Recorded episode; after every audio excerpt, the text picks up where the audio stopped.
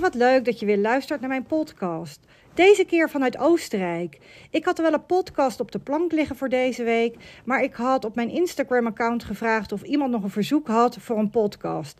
En een van mijn volgers gaf aan dat ze graag meer zou willen weten hoe je nou een goede planning maakt. En dat is ook een heel erg belangrijk onderdeel van mijn cursus, dus nou ja, vandaar deze podcast.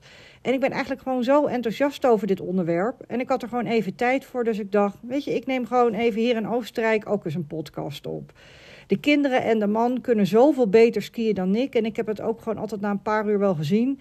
En ze zijn nog aan het skiën, dus ik ben even helemaal alleen in uh, onze hotelkamer. En ik neem deze podcast ook op met, een, nou ja, met een mobiel en een kleine daspeldmicrofoon. Dus dat kan feitelijk overal. Ik heb heel veel nieuwe podcastluisteraars. Dus voordat ik vandaag verder ga over hoe je het beste een goede planning kunt maken, wil ik mijzelf en mijn bedrijf nog even voorstellen. Ik ben dus Danja Lekkerkerk en ik help ambitieuze moeders om te groeien in balans, zelfvertrouwen en energie, zodat jij je droomleven kunt leiden en kunt genieten ja, van je carrière en je moederschap zonder eeuwig groeiende to-do-lijst waar je alleen nog maar aan kunt denken. Ik zet ambitieuze moeders echt in hun kracht om succes te behalen, zowel op kantoor als ook thuis, zonder harder te werken, maar vooral ook door slimmer te werken. En hierdoor hou je tijd over voor de dingen die echt belangrijk voor je zijn. En door mijn eigen achtergrond, ik ben moeder en ik ben qua carrière doorgegroeid naar directieniveau, weet ik als geen ander waar werkende moeders tegenaan lopen. Want had jij ook zo gehoopt dat je carrière kon blijven maken en kon genieten van het moederschap? Maar dat valt toch misschien een klein beetje tegen in de praktijk. Want hoe hard je ook werkt, het voelt alsof je nooit genoeg gedaan krijgt. Je to-do-lijst wordt alleen maar langer en je loopt zowel thuis als op je werk, ja, voor je gevoel alleen maar achter de feiten aan. En je brein lijkt nooit tot rust te komen. En je voelt je gewoon ook wel eens uitgeput door ja, alle behoeften van alles en iedereen om je heen. En je denkt wel eens, het hou ik nooit vol. Maar gelukkig, je bent niet de enige die zo denkt. Echt waar. Ja, deze momenten hebben we bijna allemaal als werkende moeders wel eens gevoeld. En ik ook echt hoor. En ja, ik begrijp als geen ander hoe vervelend het is, maar eigenlijk ook heel logisch.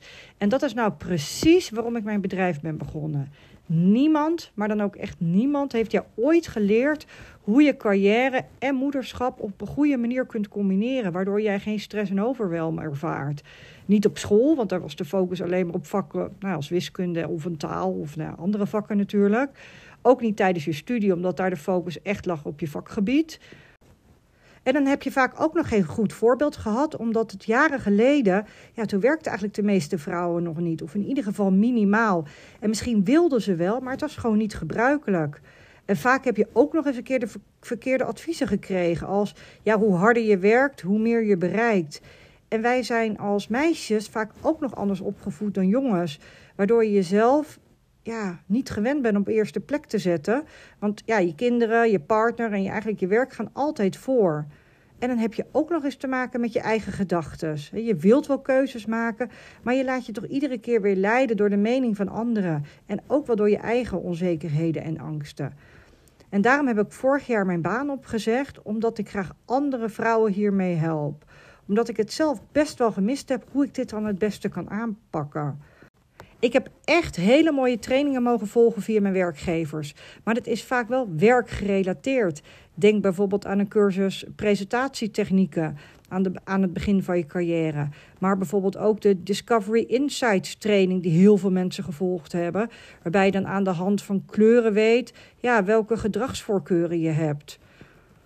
Denk bijvoorbeeld dat je bijvoorbeeld rood bent, dan ben je heel erg prestatiegericht of heel erg vastberaden. Of ben je groen, ja, dan ben je juist een heel zorgzaam type en ben je echt relatiegericht. En wellicht heb je deze training ook wel eens gevolgd. Overigens ben ik echt heel dankbaar hoor voor alle trainingen die ik heb mogen volgen. En werktechnisch heb ik er ook heel veel aan gehad. Maar nooit zat er in die trainingen van ja, hoe regel je nou de combinatie werken en moederschap? En dat is juist waar heel veel vrouwen tegenaan lopen. En ik krijg best vaak de vraag van ja, wat is nou de oplossing voor meer balans tussen carrière en moederschap? En de oplossing zit hem in, en dat noem ik ook mijn succesformule, in drie onderdelen. Het eerste onderdeel is, en daar draait het echt om, dat je precies weet wat je wilt. En waar en met name aan wat en wie je tijd wil besteden. En daar gaat het niet om wat je niet wil. Want dat is namelijk wat ik heel vaak zie. Is dat mensen precies weten wat ze niet willen. Maar het draait erom dat je juist weet wat je wel wilt. Maar je hebt nooit geleerd welke vragen je jezelf dan moet stellen om erachter te komen wat je nou precies wilt. En aan de hand daarvan kun je de juiste keuzes maken en bepalen waar jij je tijd aan wilt spenderen. En dan draait het echt om wat en op wie wil jij je focussen. En het tweede belangrijk onderdeel van de succesformule is leren hoe je je tijd beter kunt indelen. Hoe maak je nou een praktische planning die niet moeilijk is om, ja, om jezelf aan te houden? En deze podcast gaat hierover, maar in de cursus ga ik er veel dieper op in en neem ik je echt aan de hand mee hoe je dit zelf kunt opstellen en met name ook hoe je je dus gemakkelijk aan kunt houden. En het derde belangrijke onderdeel is mindset. Hoe je de beperkende overtuigingen die je zelf hebt, of wordt opgelegd door externe factoren, hoe je die nou kunt overwinnen. En denk bijvoorbeeld aan je perfectionisme, het elimineren van de verwachtingen van anderen, maar ook het loskomen van overtuigingen die bijvoorbeeld al jaren in je familie zitten. En misschien heb je wel eens een deelgebied gehad van de training, maar het draait echt om de combinatie van de drie onderdelen. Want door de juiste keuzes te maken, je niet te laten leiden door je eigen onzekerheden en met een fijne en praktische planning te werken, ja, die combinatie zorgt voor meer balans, meer zelfvertrouwen en meer energie, waardoor jij dagelijks kunt doen wat je het allerliefste doet.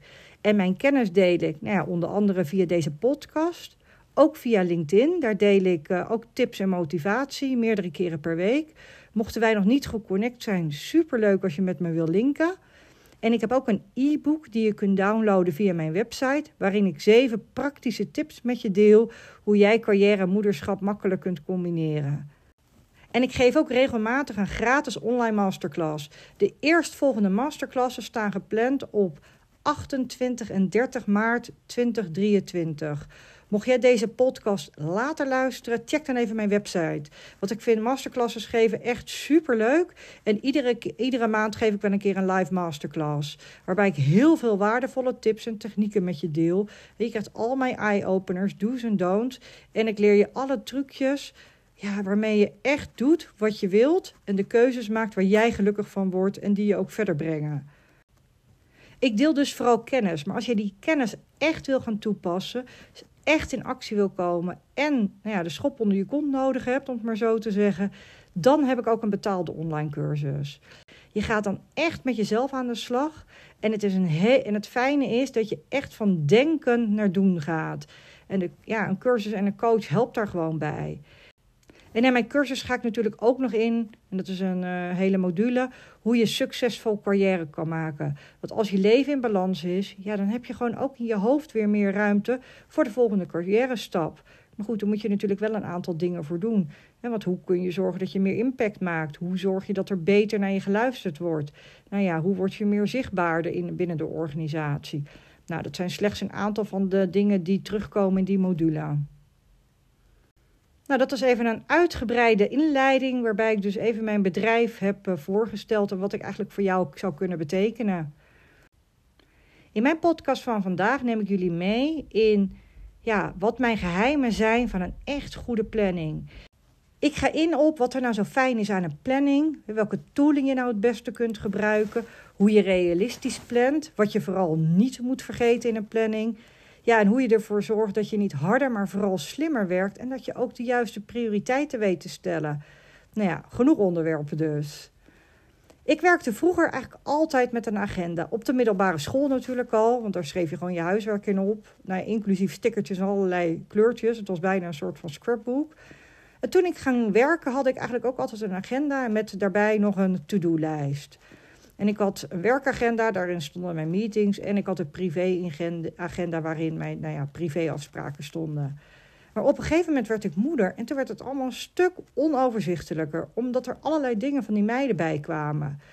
En toen werd het echt een stuk chaotischer, ook in mijn hoofd. En ik word echt zagrijnig als ik chaos in mijn hoofd heb. En dat heb ik trouwens ook met chaos in het huis. En dat was eigenlijk het moment dat ik ben overgestapt naar een planner. En dat heeft me echt heel veel gebracht. En in deze podcast wil ik jullie dus meenemen in allerlei tips hoe je nou het beste plant. Ik ben overgestapt op mijn planning, omdat in een planner je eigenlijk veel meer ja, invloed uitoefent, echt op je dagen en op je weken, omdat je werkt met tijd- en taakvakken. Anders dan een agenda waar je in je eigenlijk alleen maar afspraken zet. Ja, want wat is nou eigenlijk het verschil tussen een agenda, een to-do-lijst en een planning? In een agenda, of dat nou werk of privé is, zet je feitelijk alleen maar je afspraken in. En hoeveel van mijn klanten dan werken, is dat, dat zij daarnaast nog een to-do-lijst hebben met nou, alles wat ze moeten doen, omdat ze dan denken dat ze overzicht hebben. Maar eigenlijk is het tegendeel waar. Het grote nadeel van een to-do-lijst is dat die nooit af is. En dat werkt eigenlijk gewoon super ontmoedigend. Een to-do-lijst is namelijk nooit leeg. Streep je de twee dingen af, dan komen er gegarandeerd weer drie dingen bij. Dus je hebt nooit het idee dat je verder komt, omdat je to-do-lijst gewoon nooit af is. En voor je, ja, voor je gevoel heb je veel meer gedaan, maar je bent nooit verder gekomen. Want die to-do-lijst is er immers nog.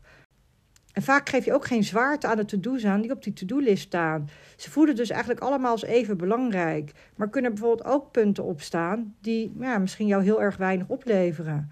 En een planning gaat veel verder. Daarin plan je dus al je activiteiten.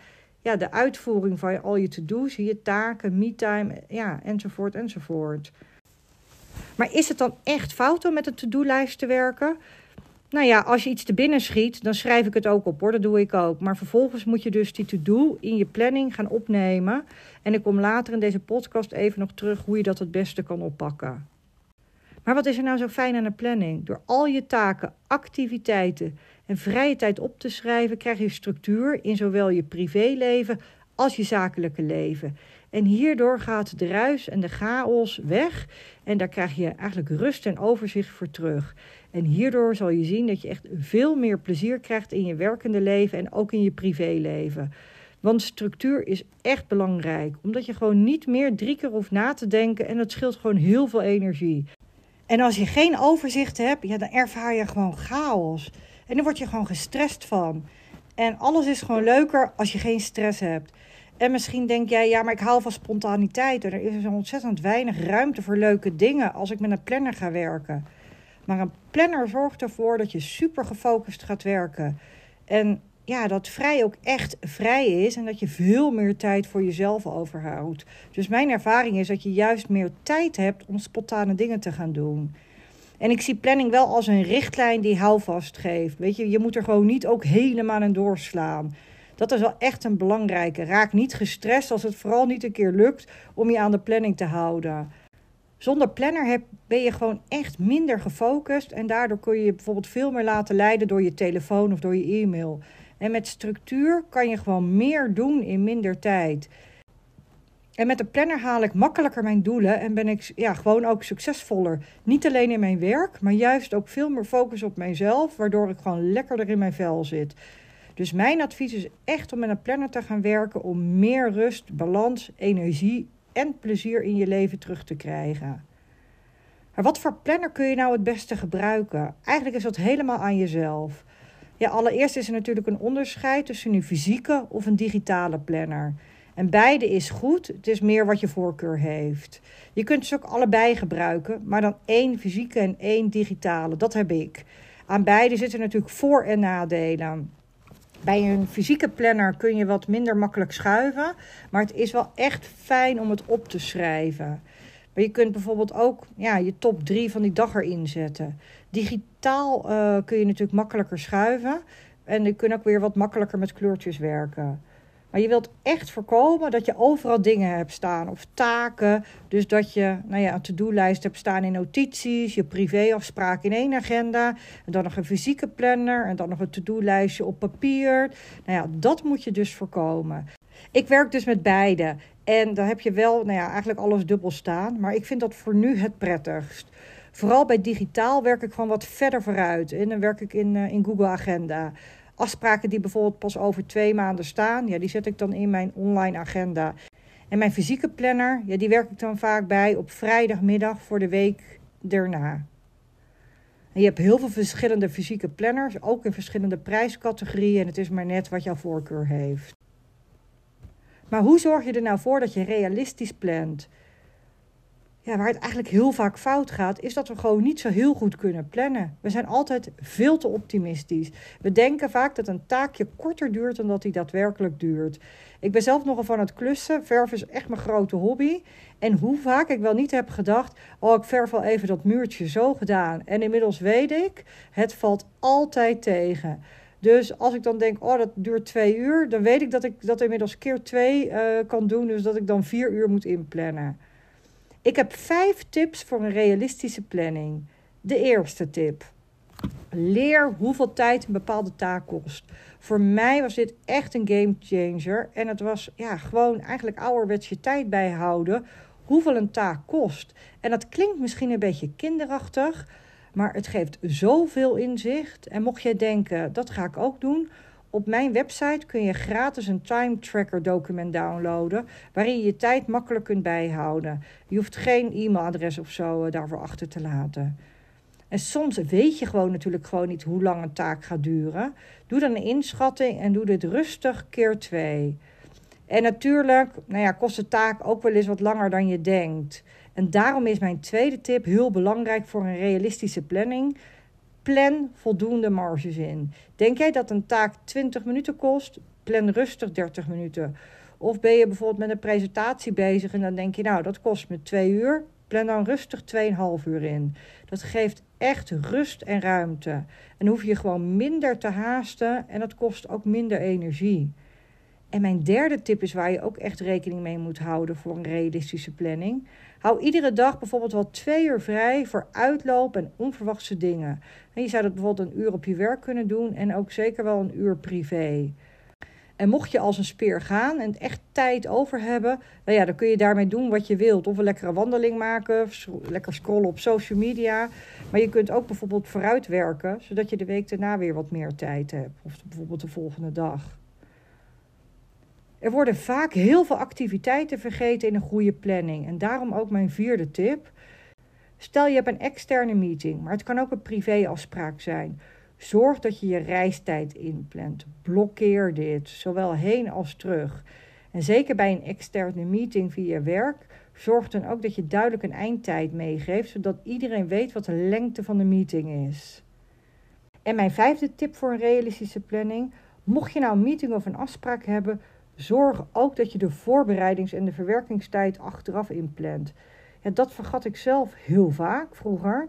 En daardoor kwam ik heel vaak in de knel bijvoorbeeld, ik had een meeting en dan dacht ik, nou, vijf minuten van tevoren, oh, dan moet ik snel nog even voorbereiden. Maar ja, dan haal je natuurlijk veel minder uit de meeting als dat ik hem echt goed had voorbereid. Maar stel bijvoorbeeld, iemand komt bij jou thuis eten, dan moet je daar natuurlijk ook wat voor voorbereiden.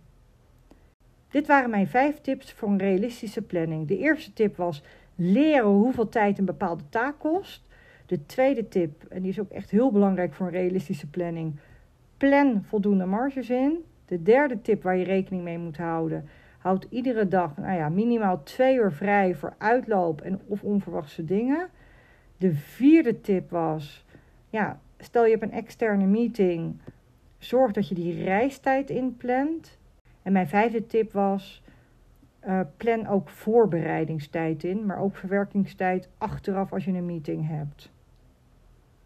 Maar wat mag er nou echt niet ontbreken in een goede planning? Er zijn namelijk altijd twee onderwerpen die ja, vaak niet op de planning worden gezet. Vooral niet bij werkende moeders die heel veel bal in de lucht moeten houden. De eerste is, pauzes mogen niet ontbreken in je planning. Zorg bij je planning dat je ook echt die pauzes inplant, want die kosten gewoon ook tijd. Als je het gevoel hebt, ja, ik ben zo druk, dan denk je vaak, nou dan werk ik nog even door met mijn pauze. Maar pauzes zijn gewoon net zo belangrijk als de belangrijkste taak van je dag. Je kunt het beste pauze nemen die zorgen dat je echt afstand even neemt van je werk. Dat kan bijvoorbeeld een wandeling zijn, maar het kan ook bijvoorbeeld even gezellig bijkletsen zijn met je collega's in het bedrijfsrestaurant. En een tweede punt wat echt niet mag ontbreken in je planning is jezelf. En dit zie ik ook heel vaak fout gaan bij werkende moeders. Zij zetten zichzelf gewoon niet in die planning. En ik begrijp echt helemaal waar die vandaan komt hoor. Want hoe hard je ook werkt, het voelt alsof dat je nooit genoeg gedaan krijgt. Je to-do-lijst wordt alleen maar langer in je hoofd. En je hebt al het gevoel dat je achter de feiten aanloopt, zowel op je werk als thuis. En daardoor voel je je gewoon schuldig als je ontspant. Want er zijn zoveel ja, belangrijkere dingen die je zou moeten doen. Maar ja, hier moet echt verandering in komen. Want anders blijf je het gevoel houden van overwelm en geen energie hebben en uit balans zijn. Dus wanneer je met je planning van een nieuwe week begint, schrijf dan natuurlijk eerst de vaste afspraken of meetings op die al gemaakt zijn. Maar daarna plan je echt jezelf in. Bijvoorbeeld naar sporten, lunchen, weet ik het, kapper, afspraak met vriendinnen, date night. Nou, het kan ook gewoon een afspraak met jezelf zijn. Zo lekker een lekker avondje vrij voor Netflix of een boek lezen, mocht je dat willen. En daarna kun je alle andere taken en activiteiten inplannen. Want als je het nou andersom doet, dan weet je net zo goed als ik wat er dan gaat gebeuren. Dan heb je gewoon geen tijd meer voor jezelf. En dat is niet goed voor jou, ook niet voor je gezondheid en ook niet voor de mensen om je heen. En hoe hoor ik je denken, ik vind het eigenlijk best wel een beetje egoïstisch. Ik wil er gewoon zijn voor andere mensen. Maar geloof me, je helpt niet alleen jezelf ermee, maar omdat je er gewoon ook een leuker, blijer, gezonder, energieker persoon van wordt, help je juist ook de mensen om je heen ermee. Want heb je weinig tijd voor jezelf, dan word je gewoon kribberiger. Je wordt, tenminste dat heb ik heel erg, je wordt minder energiek. En daar wordt je omgeving gewoon ook niet blij van. En kun je niet die fantastische nou ja, moeder, partner of dochter zijn. Juist ook al wil je werken aan structuur, productiviteit en focus, dan moet je jezelf op nummer 1 zetten, omdat het allemaal makkelijker wordt. Want wat gaat er gebeuren als jij jezelf op nummer 1 gaat zetten? Als je meer tijd voor jezelf hebt, ja, dan, ga, dan ga je ook bijvoorbeeld makkelijker grenzen kunnen aangeven en nee zeggen. En je gaat makkelijker voor jezelf kiezen. Je krijgt meer zelfvertrouwen. Je leert beter focussen, plannen, omdat je betere keuzes voor jezelf maakt. Want als jij de overtuiging hebt dat je niet belangrijk bent in het leven, ja, dan zul je jezelf altijd op de laatste plek zetten dan heb je allemaal geen tijd voor jezelf. En dat levert gewoon stress op. Je leeft ongezonder. Ja, misschien geniet je onvoldoende. Of doe je onvoldoende dingen die je graag zou willen doen. En dan kun je veranderen door te beginnen met jezelf op nummer 1 te zetten. En het is helemaal niet zo drastisch als dat misschien klinkt. Maar hiermee kun je wel echt het verschil maken. En vanaf volgende week kun jij dit gewoon ook gaan doen. Planning erbij en gewoon bedenken: wat vind ik belangrijk? Als je nooit tijd hebt om te sporten, ja, plan dat gewoon vanaf nu in. En mentale en fysieke gezondheid is essentieel, minstens zo belangrijk als je takenlijst omdat je dan ja, gezonder, gelukkiger en productiever wordt. En dit is tegenstrijdig. Dus door meer tijd aan jezelf te geven, word je productiever. Maar doordat je je hersenen rust geeft, word je productiever en heb je meer focus. Dus zorg ervoor dat je jezelf in die planning zet. En het hoeft echt niet van de een op de andere dag perfect te gaan. Weet je, daar mag best wel wat tijd overheen gaan. Maar er hangt een schuldgevoel bij werkende moeders hierover. Maar ik hoop echt dat ik je heb kunnen inzien hoe ontzettend belangrijk dit is. Dus de twee punten die niet mogen ontbreken in een planning zijn pauzes en tijd voor jezelf. Maar hoe bepaal je nou wat jouw prioriteiten zijn? Want ik heb gemerkt, eigenlijk in al die jaren dat ik werk, dat prioriteiten stellen een van de moeilijkste dingen is. En wat zet je nou op een planner en wat laat je gaan?